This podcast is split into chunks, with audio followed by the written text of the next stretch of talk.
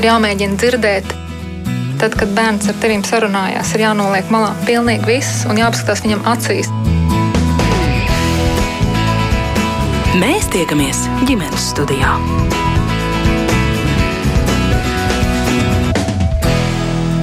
Labdien! Tūlīt saruna par ēšanas traucējumiem, kas, kā uzsver speciālisti, ir izplatīti, bīstami un grūti pamanāmi. Kas var izraisīt šādu traucējumu rašanos un kā palīdzēt? Divi jautājumi, kurus es mērķis notiņi noteikti pārnāšu ar studijas viešņām - certificētu klīnisko un veselības psiholoģi, kognitīvu behaviorālo terapeitu Inesi Lapsiņu. Labdien, Inese! Inese, vai jūs dzirdat mūs? Labdien! Jā, labdien, dzirdu. Nu, tūlīt pārliecināšos, ka arī Zāne, ēšanas traucējuma speciāliste un kočs mūs dzird, jo jūs abas esat pa tālruni. Dzirdam, dzirdam. Jā, brīnišķīgi, bet šeit studijā es uzrunāju certificētu koču, ēšanas traucējumu mentori un ēšanas traucējumu resursu centra izveidotāju Annu Balodi. Labdien! Un uh, tiešām gribu precizēt uh, tos trīs raksturojošos lielumus, kurus jau pieminēja raidījuma sākumā. Tātad izplatīti, bīstami un grūti pamanām par šo izplatīti. Vai ir kāds aplēses, cik liela sabiedrības daļa tie skar, Anna? Uh, jā, mums Latvijā gan nav tādi konkrēti dati, cik es esmu pieprasījis. Es vadu arī biedrību būt brīvai, un uh, cik es esmu pieprasījis no NVD un SPKC, tad uh, mūsu valstī šī problēma nav. Nu, ja ir, tad ir ļoti minimāli. Taču uh, kaimiņu valstī, Igaunijā, piemēram, desmitajā gadā disertācijas darba ietvaros veikts pētījums, un 7,7 cilvēku igauņu sieviešu ir 7,7%. Procenti. Jā. jā, tieši tā. Ir ēšanas traucējumi un vienam procentam vīriešu. Mūsu valstī nezinu, vai tiešām būs tā, ka tā problēma nav, bet mēs kā ēšanas traucējumu centrs tad arī ievāksim precīzus datus, jo tā problēma ir krietni, krietni lielāka nekā tā ir datos.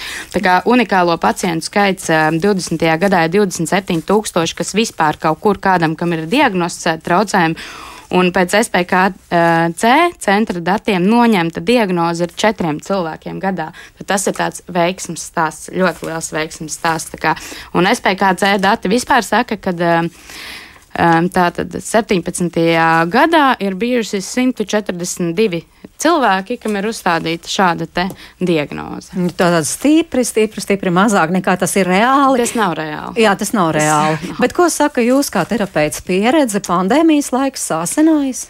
Jā, problēmas. Es, jā, es neesmu, es neesmu terapeits, bet es esmu mentors un, uh, un coach šiem cilvēkiem. Bet ikdienā es konsultēju vidēji divas, trīs uh, sievietes. Mums ir biedrībā arī viens puisis, un es zinu, ka puišiem arī šī problēma ir. Un uh, runājot ar Bērnu Kliniskās Universitātes slimnīcas speciālistiem, tur ir rēšanas traucējuma nodaļa bērniem līdz 18 gadiem, tad pacientu skaits šobrīd ir trīskāršojies nekā tas bija pirms pandēmijas. Un, uh, tas arī, ko saka vecāki un ikdienā mentorējot meitenes, kas nāk, uh, kad tas sākās ar Covid pirmo vilni pārsvarā. Inese, ko varētu piebilst no savas pieredzes? Mm -hmm, jā, nu, nu, runājot no, no pieredzes strādājot ar klientiem, kāpēc ēšanas traucējumi tik bieži varbūt nav pamanāmi un, un, un kāpēc arī tas reālo uh, teiksim, pacientu vai cilvēku ar ēšanas traucējumu skaits ir augstāks, jo bieži vien cilvēkiem arī viņi paši neatpazīst, kad, kad ēšanas paradumi vai veids, kā es ēdu, varētu būt traucējums, jo, jo ir ļoti daudz pozitīvu pastiprinājumu no ārējās puses, no ārējās pasaules, piemēram, hei, tur lieliski izskaties, to esi tik uh, lieliskā formā fiziskā, Un, un līdz ar to, kad uh, cilvēkiem liekas, o, es maz ēdu, nēdu gandrīz nemaz, vai man ir lieliska diēta, uh, un nu, apkārtējie pozitīvi pastiprina, vai arī, ja, piemēram, cilvēkiem ir šī emocionālā ēšana vai kompulsīva pārēšanās, uh, kad, kad, uh, vai arī cilvēkiem, kuriem ir bulimija, viņiem ir nērti runāt par šo, uh, un viņiem ir liels kauns, un uh, reizēm pat terapijā gadās, kad strādājot ar, ar ar klientu gadu vai divus gadus, tikai pēc ilgāka laika cilvēks patiešām atklāja. Zini, ir vēl viens jautājums, par kuru es ilgi nevarēju saņemties runāt, bet esmu beidzot gatavs runāt, un, un man ir emocionāla ēšana, piemēram, šādas frāzes var teikt arī klienti un, un, un lūgt palīdzību, lai risinātu šo jautājumu terapijas procesā. Nu, iespējams, arī mūsu klausītāji var saņemties un iesaistīties šajā sarunā. Labprāt, izra, iz, izlasīsim, tie varētu būt arī jūsu pieredzes stāsti, bet izskanēja arī šis bīstami. Kāpēc tas ir bīstami? Uh -huh. Bīstami dažādu iemeslu pēc, jo, piemēram, tad, kad cilvēks ilgstoši badojās, ilgstoši badošanās rezultātā pirmkārt samazinās kritiski ķermeņa masas indeks, un samazinoties ķermeņa masas indeksam, organismiem ir jādomā par to, kā izdzīvot, un, un, un organisms kompensē vai, vai, vai uz, uz citu procesu rēķinu, piemēram, uz kognitīvajiem procesiem, ja mēs domājam par pusaudzi, kuram augšana ir ārkārtīgi svarīga, attīstība, vispārēja organisma attīstība ir ārkārtīgi nozīmīga un ir būtiski pievērsties, lai pietiktu visas nepieciešamības barības vielas, tad, ja, ja pusaudzis badojās, tad tas nozīmē, ka viņam kaut kur ķermenim ir jādabūt tā rezerve priekš, priekš tā, lai strādātu sirds, priekš tā, lai bērns varētu telpot, priekš tā, lai būtu termoregulācija, arī visa vielmaiņa, un tad var pasliktināties uzmanība, var pasliktināties atmiņa, protams, arī fiziskā veselība noteikti uh, tiek nopietni iedragāt, un tad man prātā nāk kei pētījums saistībā ar badošanos, kur pēc pētījumā iesaistītiem cilvēkiem kur, kur novērojumi rādīja, ka cilvēkiem būtiski pasliktinājās nevien fiziskā veselība, bet arī kognitīvā funkcionēšana, un pēc tam, kad uh, cilvēki atgriezās pēc badošanās pie normāla ēšanas režīma, Un, un kad viņi uh, pēc pusgada tika monitorēti, atklājās, ka 50% no pētījumā iesaistīto cilvēku šie veselības uh, trauc, uh, tā veselības bojājumi neuzlabojās. Tas veselības stāvoklis palika tikpat slikts, līdz ar to tas ir tāds ļoti bīstams neatgrieznisks process. Un, protams, arī pie anoreksijas vai, vai smagas bulīmijas ir arī nāves gadījumi, kad, kad organisms neiztur un cilvēks nomirst. Jā, bet Zane un tā trešā lieta grūti pamanāmi. Kā tas ir iespējams? Mm. Nu, klausoties, ko jūs kolēģi Inês teica, un piemēram par anoreksiju domājot. Mm -hmm. uh, jā, es tieši specializējos vairāk anoreksijā, un ar laiku jau viņi kļūst pamanāmi, un tāds ir tas, arī tas slimības mērķis. Patiesībā viņš mums kaut ko grib pastāstīt, jo tā ir ļoti vizuāla slimība. Bet sākumā, kā arī, man liekas, Ines sākumā minēja, kad ir ļoti daudz pozitīvu pastiprinājumu no āra, mūsu kultūrā joprojām ir pieņemts, ka tā teikt, būt uz diētas vai ēst šeit likšu pēdiņās veselīgi, ir kaut kas ļoti apsveicams, ar ko ir ļoti vērts nodarboties, taču un šajos tāda it kā ikdienišķās darbībās, arī pastiprināt sportojot un tad ierobežojot ēdienu, nereti nepamanā tā eh, traucējuma attīstību, nereti tas arī sākās ar kaut kādu veģetārismu vai vegānismu vai ne. Tas kaut kur tas ir normāli, kādam tas arī ir normāli un kādam tā ir e, parasta dzīves sastāvdaļa, bet tur tie ēšanas traucējumi veiksmīgi slēpjās. Un tāpēc viņi ir tik nepamanāmi līdz brīdim jau, kad ir ļoti smags stāvoklis, kad kad, kad vecāki pamana anoreksijas gadījumā tieši svara zudumu, pie bulīmijas tas ir ļoti sarežģīti, jo bulīmija visbiežāk slēpjās, ja mēs tā varētu teikt, um, uh, mazāk pamanāmā ķermenī, viņš fiziski nav tik bieži pamanāms, un, un, un ar pārēšanās ēšanas traucējumiem tur, nu, arī tā teikt, retāk pamanām, bet uh, viņi tā paslēpjās ikdienā sabiedrības tādās kā normās un Un, un pats ēšanas traucējums pēc dabas, ir tīpaši anoreksija, ļoti melo, viņš mānās. Un šeit es gribu uzsvērt, ka šis traucējums, nevis šis cilvēks, protams, šis traucējums iet caur šo cilvēku, caur viņu valodu un domām, bet viņš slēpjās.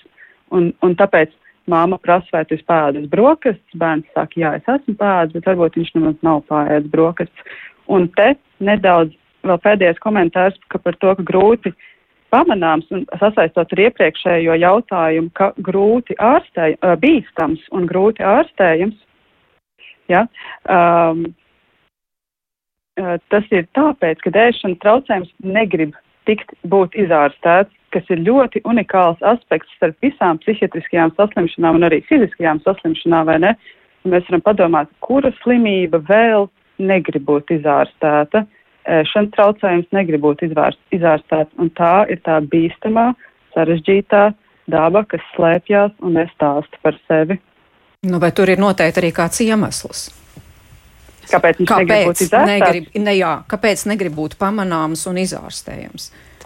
Tieši tā, un iemesls ir tāds, ka ēšanas traucējums ir funkcionāls traucējums. Viņš izpilda kādu funkciju cilvēkam, viņš ir ļoti bīstams, bet viņš ir mehānisms, kas kaut ko palīdz risināt. Tāpēc jau iespējams pārējot kādu no nākamajām tēmām, veseļojoties, ir jāliek kaut kas vietā, kaut kas, kaut kas dzīvību apstiprinošs, veselību apstiprinošs, jo ēšanas traucējums kaut ko palīdz izdarīt. Vai tas ir kontrolēt emocijas, dažkārt tas ir apslāpēt dusmas, um, dažkārt tas ir iederēties fiziski tīri vai ne. Viņš izpilda kaut kādu funkciju, kas ir kaut kāda iemesla dēļ nav apmierināta cita iemesla dēļ. Tāpēc pacients vai klients nevēlas no šī traucējuma atbrīvoties. Jā, ģimenes studijā bija iespēja arī aprunāties ar 20 gadus vecu jaunieti, kurai ir diagnosticēta anoreksija, un viņa stāsta, ka dzīve izmainījās apmēram 18 gadu vecumā. Tolaik viņa svēra 50 kg, bet mērķis bija ievērojami samazināt savu svaru. Kāpēc? Tāds bija mans pirmais jautājums. Tas nebija tipiskais stāsts, ka man kāds pateica, ka esmu apaļīga. Es vienkārši gribēju līdz vasarai nomest noteiktu svaru. Un tad tas vienkārši sākās. Es sāku skaitīt kalorijas, sāku svērties katru dienu, un tad jau tā palika apsēstība. Es skatījos pārtiks produktus, kuros ir mazāk kalorijas, tos es izvēlējos. Jā, dažādus paņēmienus, kā nēst ilgāku laiku, kā izturēt nēst. Un, jā. es uh, ēdu divas reizes dienā, un tie pārsvarā bija diētiskie produkti, rīsu galetes un augļi, dārzeņi.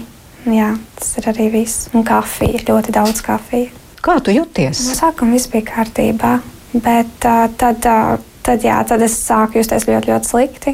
Man nebija spēka nekam. Kāds to pamanīja? No sākuma nē. Un, uh, tikai tad, kad nāca vasara, tad uh, es jau svēru diezgan maz, un tad māma pamanīja, un arī apkārtējie draugi. Ko māma teica, ko draugi teica? Māma viņa lūdza, lai es sēdu. Mm, jā, un tad es teicu, ka es negribu. Vienmēr jau bija kaut kāda attaisnojuma. Viņa kaut ko garšīgu pagatavoja. Es vienmēr teicu, ka esmu jau pēdus, es nevēlos ēst. Un, uh, no draugiem es atsašinājos. Tev radās kādas domas, ka tomēr tas nav nu, tā, kā vajadzētu būt, kā jāvēršas pēc palīdzības vai kaut kas jāmaina. Jā, bet tā tad jau bija pa vēlu. Man jau sāka parādīties bail no ēdiena. Es sapratu to, ka nu jau vairs nav labi, un tad es vērsos pie palīdzības. Jā. Es pieteicos pie psiholoģijas, un tad viņa man arī tālāk diagnozēja. Un, tad vienkārši mēs strādājām, sarunājāmies. Jā. Vēl kāda speciālista palīdzība? Jā, psihologs, psihiatrs, uzturs speciālists. Šie bija tie, kas man palīdzēja. Un kā ir tagad? Tagad es jūtos labāk. Jā. Tagad sēdu sešas reizes dienā. Jā, cenšos uh, daudz pilnvērtīgāku pārtiku, kurā ir vairāk tā enerģiskā vērtība. Tortillas, tako. Jā, man garšo tādas lietas. Pati gatavo? Jā. Nu, kā tev pašai šķiet, tagad viss ir kārtībā ar tavu dzīvi, viss ir atrisinājies? Noteikti nē. Es domāju, vēl tāls ceļš ir līdz viss būtu kārtībā. Kas ir tas tavs ceļš tagad tālāk? Noteikti ēst, turpināt ēst, turpināt izaicināt sevi ar ēdieniem, no kuriem man vēl joprojām ir bail. Eļļas, sieri, jā, avokado. Nu, visi tie, kuros ir diezgan daudz kalorijas un tauku. Man noteikti ir jāpieņem tas, ka man ir jāpieņem svarā, jo to vēl joprojām es neesmu pieņēmusi. Man ir jāpieņem arī tas, ka mans ķermenis mainīsies, vairs nebūšu tik dieviņa, kāda esmu tagad. Bet tā tad tu to gribi no sirds vēlies? Jā, jā. Bet, nu, vērtējot to palīdzību, kādā ir cilvēkiem, kuri ir līdzīgā situācijā, vai tā šobrīd ir pietiekama, tavuprāt? Nē, nav. Arī tad, kad es gāju pie ārstiem, viņi mani nesaprata. Viņi domāja, ka es negribu ēst, ka man nav apetītes, bet patiesībā es gribēju ēst. Es vienkārši nevarēju, man bija bail no ēdiena, un viņi to nesaprata.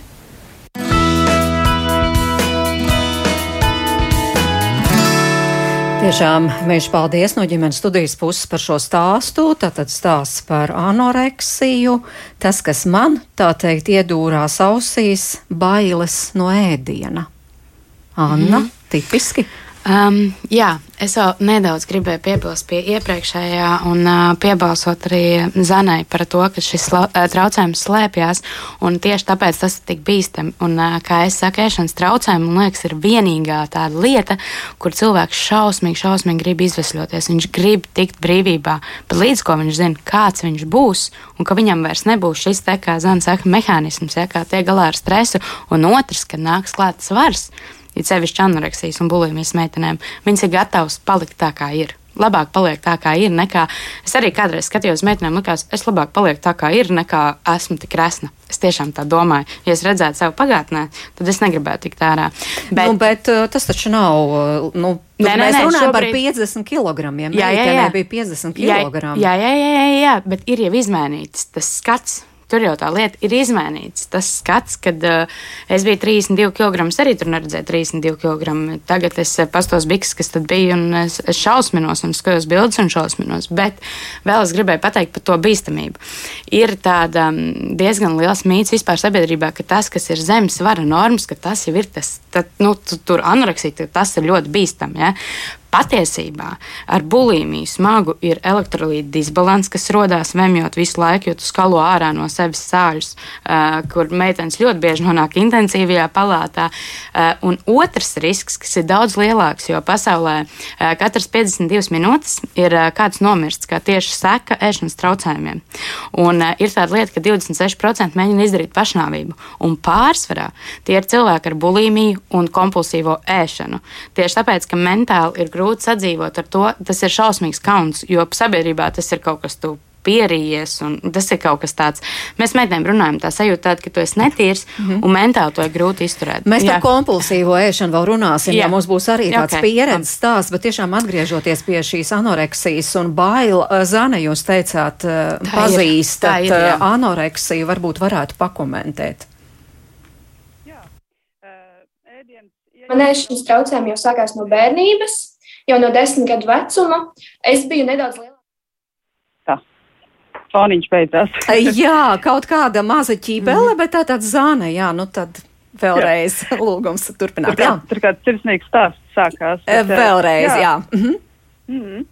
Uh, pie anoreksijas gadījumos uh, ēdiens simbolizē ļoti daudz dažādas lietas, un uh, tas ir viens no darbiem terapijā vai, vai, vai šajā atvesaļošanās procesā, vai ne? Atkost tās lomas, um, tā var būt kontrole. Ēdiens var simbolizēt, um, ēdiens var simbolizēt emocijas arī savā ziņā, un ēdiena turēšana ārpus sevis simbolizē, ka es nevēlos sevi ielaist arī ļoti nepatīkamas, diskomfortablas sajūtas, ar kurām es patiesībā vienkārši nezinu, kā tikt galā, vai ne?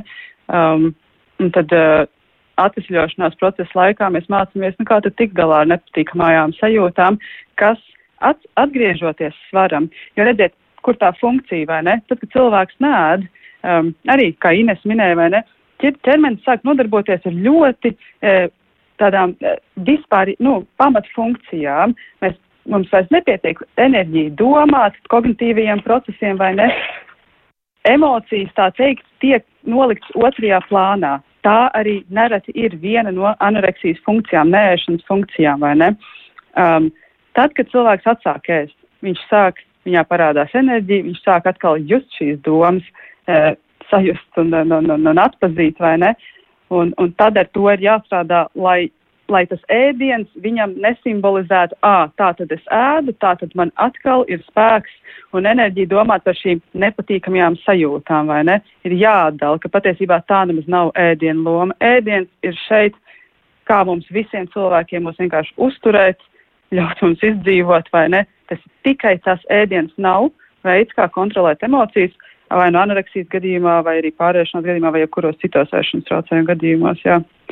Jā, bet no kur atpazīt to trauslo robežu, kad tiešām, kā arī šeit stāstā mēs dzirdējām, nu jā, es sapratu, vai vienkārši mans ķermenis pateica, ka viss, ka tas jau vairs uh, nav normāli. Nu, piemēram, klausītāja Māra mums raksta, ja pareizi saprot, tad ēšanas traucējumi nav par ēšanu tik daudz kā par kontroli, bet ko iesākt ar pusaudzi, kuru manā mammas uzturē ēda par maz un ļoti izvēlīgi, lai nesāktos šī kontrols cīņa jo es taču nebarošu savu patsmitgadnieku ar varu. Uh, Inese, varbūt mm -hmm. jā. jūs varat jā, atbildēt daudz, Mārai. Jā, daudz pieminētais vārds kontrole, jo, jo ir jau tā, ka uh, reizēm šis ir arī nēšana kalpo kā kontrols mehānisms, kur pusaudzis vai jaunietis vai reizēm pat arī pieaugušie cilvēki sajūt, ka šis ir kaut kas tāds, ko es pats varu kontrolēt un regulēt, un tas reizēm notiek ģimenēs, kur ir pārmērīga vecāku tāda pāraprūpe vai modrība vai tāda kontrola pār bērnu dzīvi, kur bērns tiek ļoti pieskatīts, tad šis varētu būt un atrast to robežu, kur būtu veselīga kontrola. Protams, kad vecāku pienākums ir atgādināts vai, vai, vai pārnāt aicināt bērnu, bet tad, kad ir pagatavotas ēdienu reizes un, un, un aicināt un nāc tagad ir pagatavots, vai mums būs ēdiena reiz tikos un tikos, ēdīsim visi kopā, ievies šo sēšanas paradumus ģimene. Un tikpat svarīgi arī ir iemācīties uh, to, ka uh, pasakot līdzi pašiem, kā tad mēs paši ģimenē pieaugušie izturamies pret ēdienu vai pret ēšanu, jo vai, vai, vai teiksim, reizēm pat tādi it kā nevainīgi izteikumi, nu ko tik milzīga porcija vai uh, Tagad ir jau pulkstenis pusseptiņi, nedrīkst tik vēl vakarā vairāk ēst. Vai kādi citi izteikumi par ēdienu arī var ietekmēt bērnam to nevēlēšanos ēst.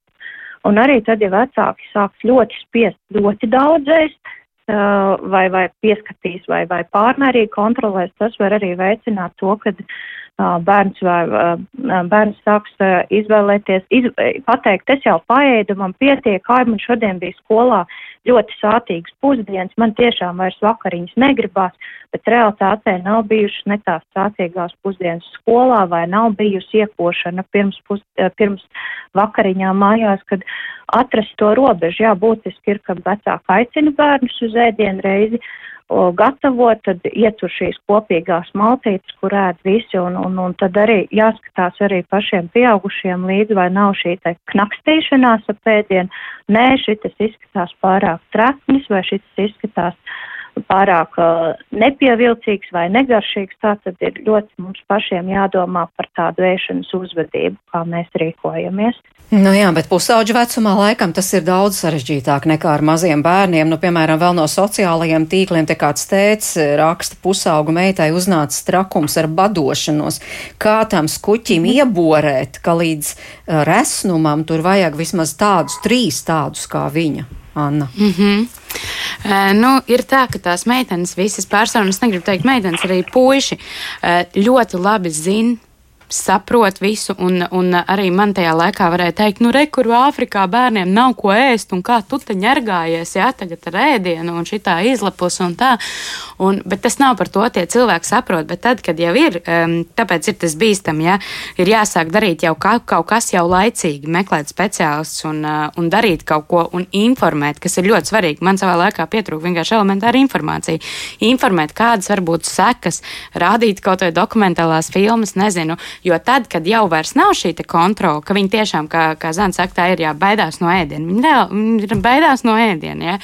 tad jau ir nedaudz par vēlu un neko ar borēšanu vai borēšanu un šitādu attieksmi borēt, tur neko labu nevar atbalstīt informēt, palīdzēt, pateikt, es tev varu aiziet līdzi, vai rekur noskaties šo filmu, mm -hmm. lai viņi pa, paši ziņā noskatīsies vai ne. Nu jā, nu es, piemēram, noskatījos dokumentālo filmu pašportrets, tātad galvenā varona Norvēģa fotogrāfa Lēna Marija Fosena, tiešām ļoti talantīga jauna sieviete, anoreksija, un beidzās stāsts eh, ļoti bēdīgi, mēģināja viņai palīdzēt, bet, diemžēl, nesekmīgi. Zane, kā jūs teiktu, bet, bet kā tad, nu, bet labi, noskatāmies šādu filmu, nezinu, nerodas po pozitīvas emocijas, ka vispār ar to var tikt galā.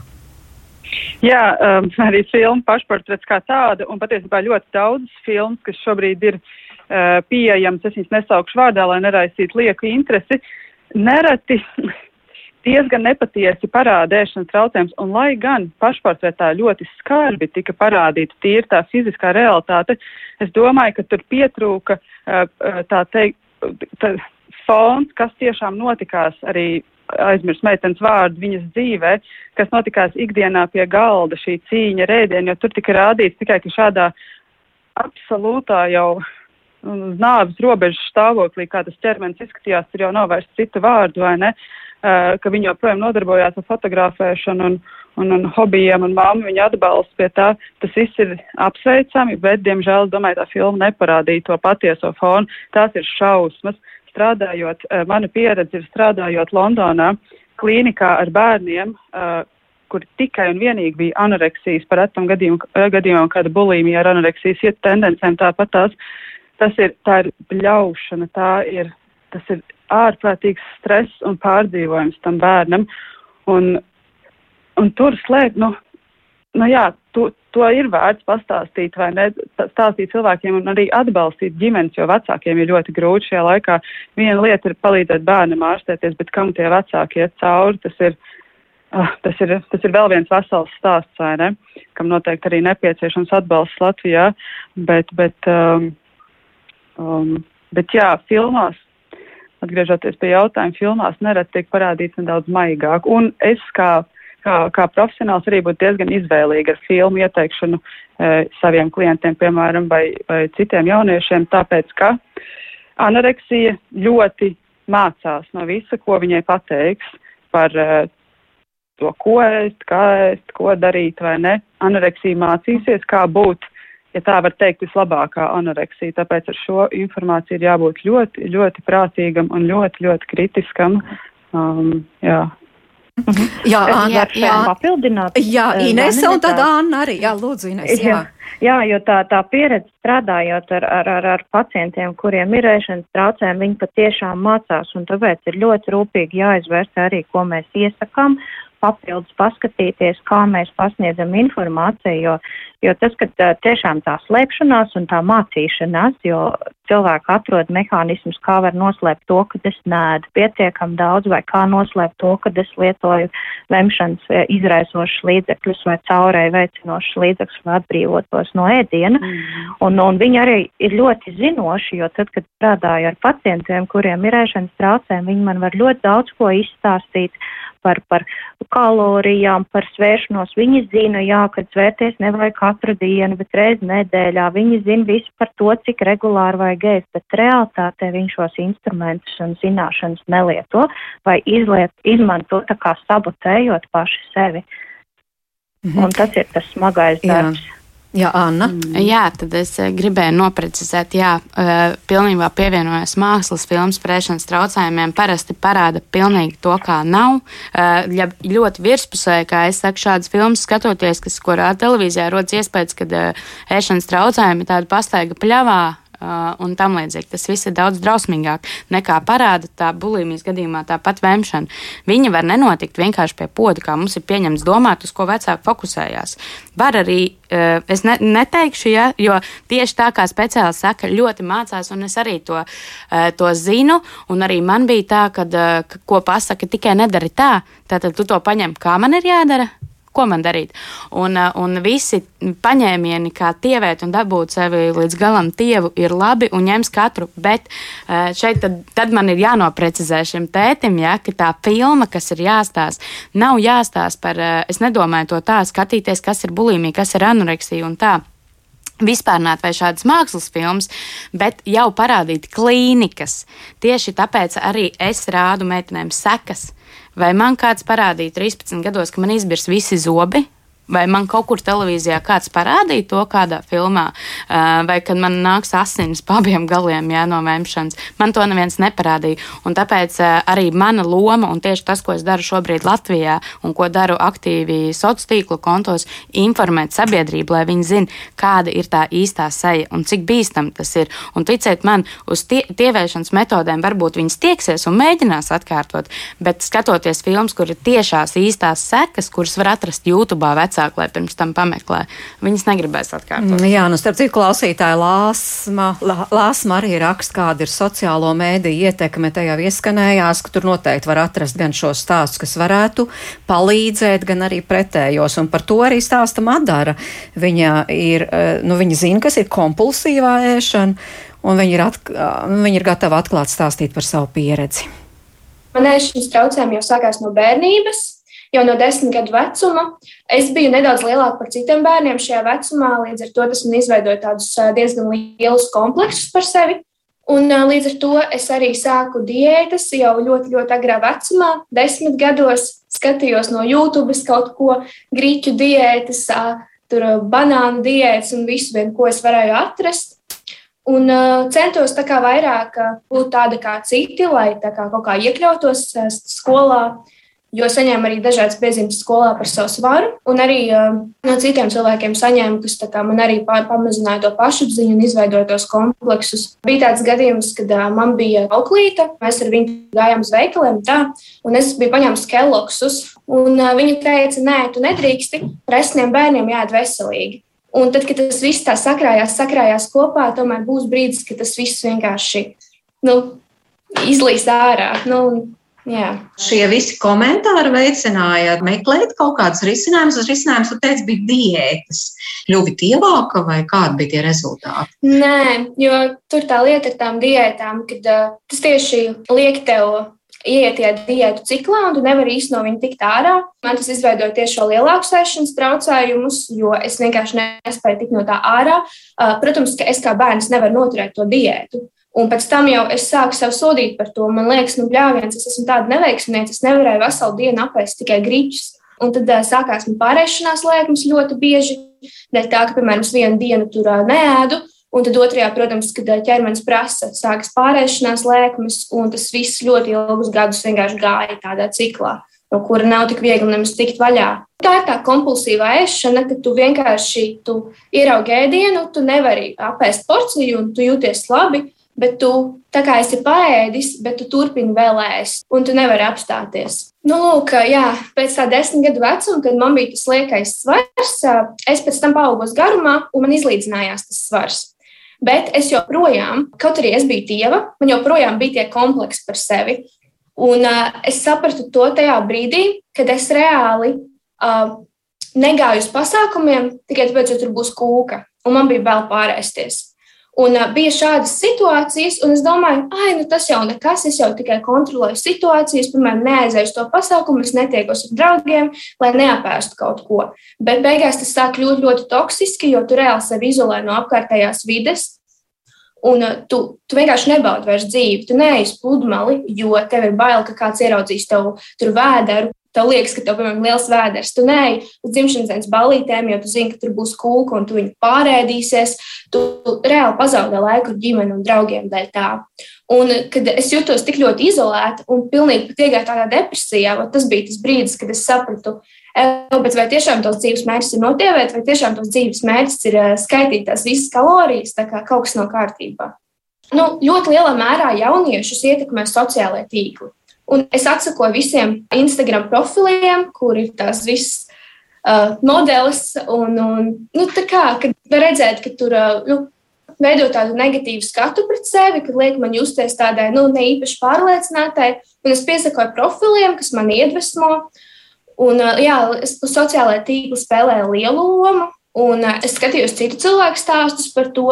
Tas man patiesībā ļoti iedvesmoja, ka kā ir iespējams tikt vaļā no tā cikla. Bet tas nozīmē, ka tu nemeklēji profesionāļu palīdzību, piemēram, nerunāji ar psihologu. Es biju aizgājis vienreiz pie skolas psihologa, bet tas skolas psihologs nu, nav kā, ļoti kompetents ēšanas traucējumu jomā, tad tas varbūt man tik ļoti nepalīdzēja. Bet es domāju, ka, ja man no bērnības būtu bijis tas atbalsts, tad varbūt tas nemaz neaizietu tik tālu, un man ne, nevajadzētu mēģināt atrast, kā risināt situāciju jau pēc sešiem gadiem. Vecāku atbalsts tas varēja būt. Es zinu, ka viņi to nezināja, jo es pati jau desmit gados pati gatavoju tur ēst, un, un nu, tomēr es biju tāda patstāvīga meitene. Es nezinu, es domāju, ja viņi to būtu pamanījuši, tad es priecētos aiziet pie kāda speciālista. Es nezināju, ka tā ir tāda iespēja, kad man bija tie desmit gadi, bet es domāju, būtu palīdzējis tas, ja viņi to redzētu. Un, un, un tā, jo es pati jau nesapratu desmit gados, ka man ir šī problēma. Es domāju, ka tas ir normāli, jo nu, man likās, nu, kā es esmu resna, viss, es nedrīkstu ēst, man jādara tikai jābola, es neko nevaru darīt. Un man tā nelikās problēma. Es varbūt tā kā nemaz negribēju risināt to.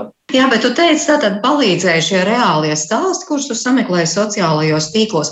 Kā tu mainīji savu dzīvi? Man palīdzēja saprast tas, ka es ēdu nevis lai notievētu vai lai tur skaitītu kalorijas, bet lai būtu veselīgāka.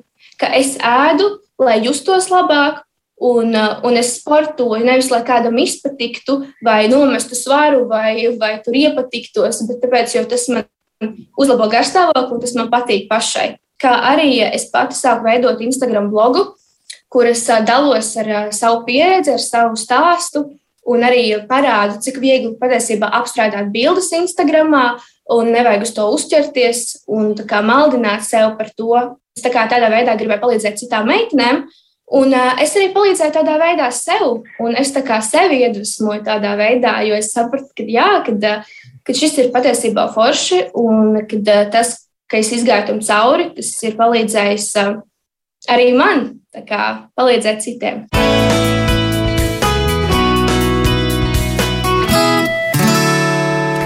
Madaras stāsts, un kā Madara teica, atskatoties, nu, tas apmēram desmit gadu vecumā sākās, tātad tas ir stāsts jau par, nu, zināmā mērā par tādu bērnību. Starp citu, mums arī klausītāja valda raksta, bet ja astoņgadīgs bērns skatās uz ēdienu ar riebumu, mm -hmm. nu, izņemot saldumu, jā.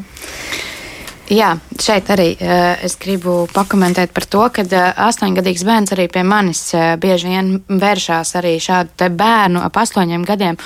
Un vēl, nu, man ir dažādas zināšanas, jā, man, man ir īpašais bērns arī rados un tā, un tā kā es esmu arī par, par citiem ēšanas traucējumiem interesējusies, ne tikai klasiskajiem. Un bieži vien mammas vēršās, un tad es jautāju, kādi ir tie ēšanas traucējumi īsti, un tā pārsvarā tas ir patīk tikai viena tekstūra, vieni kaut kādi konkrēti produkti. Tad, kad es jautāju vēl par citām uzvedībām, piemēram, nu, nepatīk, kad pieguļ apģērbs ļoti vai tā, es gribu pateikt, nevienam vecākam teikt, nevajag satraukties, bet uh, iet ieteiktu sākumā, ja tas ir bērns un ir problēma šīs tērēšana, nu, ieteiktu aiziet sākumā pie psihiatra vai pie neirologa. Jo bieži vien ir tā, ka bērnam var nebūt autisms kā reāli kā diagnoze autisms, ja tagad neviens vecāks nebaidās. Bet uh, ir tāds autiskais spektrs varbūt, un viņiem pārsvarā patīk viena tekstūra, uh, vai, piemēram, zupā var teikt, ka uh, burkānus tikai kubiņos, ja nav kubiņos, viņš vispār zupu nēd, ja? vai zupai nēd biezums. Viņam nepatīk, kur tekstūra ir sajaukta, kur, piemēram, gurķi, tomāti ar krējumu viņš nēdīs. Un vecā vecāki vēršas pie manis un saka, man šķiet, ka ir jau vēršanas traucējumi. Un tad es uh, iesaku aiziet pie psihiatra, noskaidrot, vai tie ir mm, tādā vīzē tiešanas traucējumi, ja, jo nu, reti, kad ir bērni, reāli bērnu vecumā tāda ēšanas traucējumi. Bet uh, par bērnību. Tas viss sākas kaut kad, un, un ar strādājot ar meitenēm, pārsvarā un pušiem, arī es jautāju to dzīves stāstu, nu, sākot no bērnības. Jo tas, kad kā sabiedrībā ir pieņemts, ka meitenes vai puiši grib līdzināties modeļiem, Tā ir tikai tāda klišeja. Jo patiesībā tas ir tikai tāds ķirsis uz kūkas. Īstenībā, tad, kad arī mēs runājam cauri ķermeņa stāstu, dzīves stāstus, um, tam visam apakšā ļoti bieži tēva zaudējums, uh, vecāku zaudējums vai vecāku šķiršanās, vai uh, tieši tā tā apcelšana skolā, kas ir vai bijusi vardarbība ģimenē. Parastam stāstam ir kaut kādas lielas, lielas, lielas traumas īstenībā apakšā. Un šis ir tikai tāds, ah, gribēju notievēt. Arī manā gadījumā tas bija. Kā, man liekas, es vienkārši gribu būt tievāk 12 gados, bet patiesībā es tiku galā ar uh, daudz lielāku stresu, kas bija manā dzīvē. Nu jā, bet un klausoties Madaru, nu, vismaz tas pozitīvais, ka šis var būt arī stāsts ar laimīgām beigām, Zane. Jā, pilnīgi noteikti tas var būt stāsts ar laimīgām beigām. Es gribu ātri vēl piebilst māmas uzdotiem jautājumam par astoņgadīgo bērniņu. Ir tāda ļoti jauka grāmata, Santas Grietiņas grāmata Izvēlīgā ēšana. Tas ir tieši par mazajiem bērniņiem un izvēlīgo ēšanu. Jo es kā ēšanas traucējumu speciālists tik tiešām teikšu, ka ar maziem bērniņiem tur jau ir citādāks tas darbs um, kā ar pusauģiem. Un, un šī grāmata ir izsmel, izsmeļoša zinātniskiem faktiem balstīta, kā arī, uh, arī mans komentārs šajā grāmatā ir atrodams uh, santa grieķiņa izvēlīgā ēšana var būt labs palīgs, ja, ja bērnam ir tieši aprakstītās grūtības ar ēdienu dažādību un tā. Bet vai ēšanas traucējumi, traucējumiem var būt laimīgas beigas? Protams, ka var būt. Tas gan nozīmē, ka ēšanas traucējums beidzās, un es esmu pilnīgi pārliecināta, ka jebkurā gadījumā to var izdarīt. To arī es atgādinu jebkuram savam klientam, ir tīpaši grūtību brīžos, vai ne? Um, paša, nu, kā, arī speciālisti, ja ir speciālistam savu personīgā pieredze, to ir ļoti smalki jāmāk izmantot procesā, vai ne, bet arī tā var būt kā tāda liecība, ka tik tiešām no tā var atveseļoties un, un, un ar šīm grūtajām sajūtām vai ar, ar raizēm par izskatu, vai, vai lai kāds būtu šī ēšanas traucējuma mehānisms, tā funkcija, vai ne, ar to var, uh, šo funkciju var apmierināt citādokos veidos, um, nebojājot savu veselību Un, un, un. Nu jā, eh, varbūt Inês arī vēl varētu papildināt, jo te par to, par tām veiksmīgām beigām domājot, nu, Madara teica, tā tad atradu kaut kādu citu skatījumu uz dzīvi, citu mērķi, nevis domāt tikai par to, tur kā ēst un kā palikt tievai, vai, bet kaut kādu citu, vienkārši dzīvot pilnvērtīgu dzīvi, un tad arī viss notika. Mm -hmm.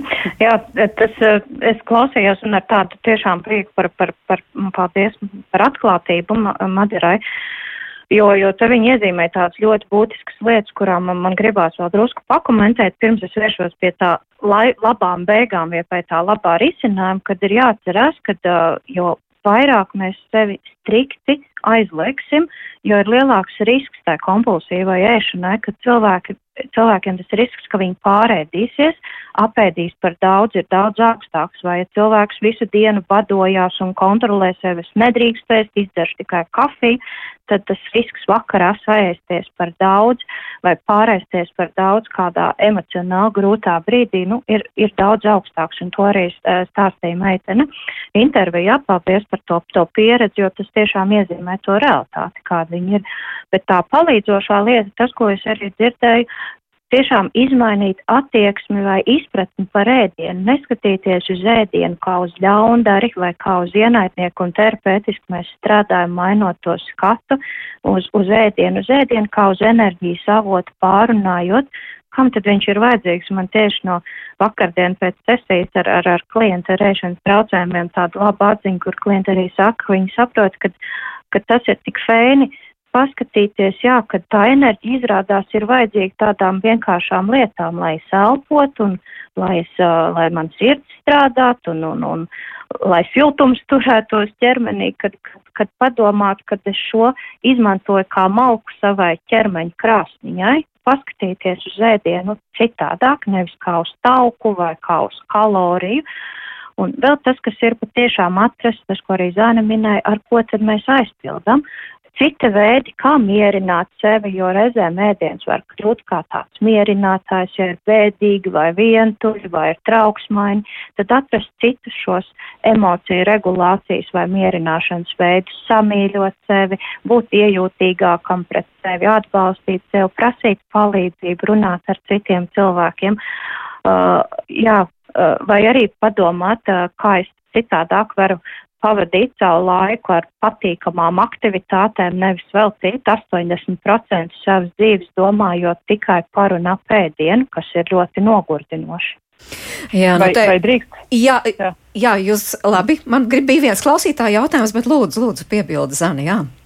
Jā, man, man piebildi bija par divām lietām. Um, līdz, uh, Jā, man bija jāatzīmē, lai es neaizmirstu runājot par pirmo. Eh, tā tad eh, tieši tas, ko Ines teica, es arī gribēju to piebilst pēc meitenes stāsta par, eh, par pārēšanos, ka tā, tā ir jāsāk ar pamatu, ka, ja būs bats, ja cilvēks nodarbosies ar kaut kāda veida badošanos, un bats var arī nebūt pilnīgi nekā nēšana, tas arī var būt ļoti samazināta ēšana, ja būs bats, būs pārēšanās, pirms mēs ķeramies klāt ļoti no, smagiem vārdiem, vai ne, man ir pārēšanās ēšanas traucējumi, paskatāmies, vai mēs nesākam ar nēšanu.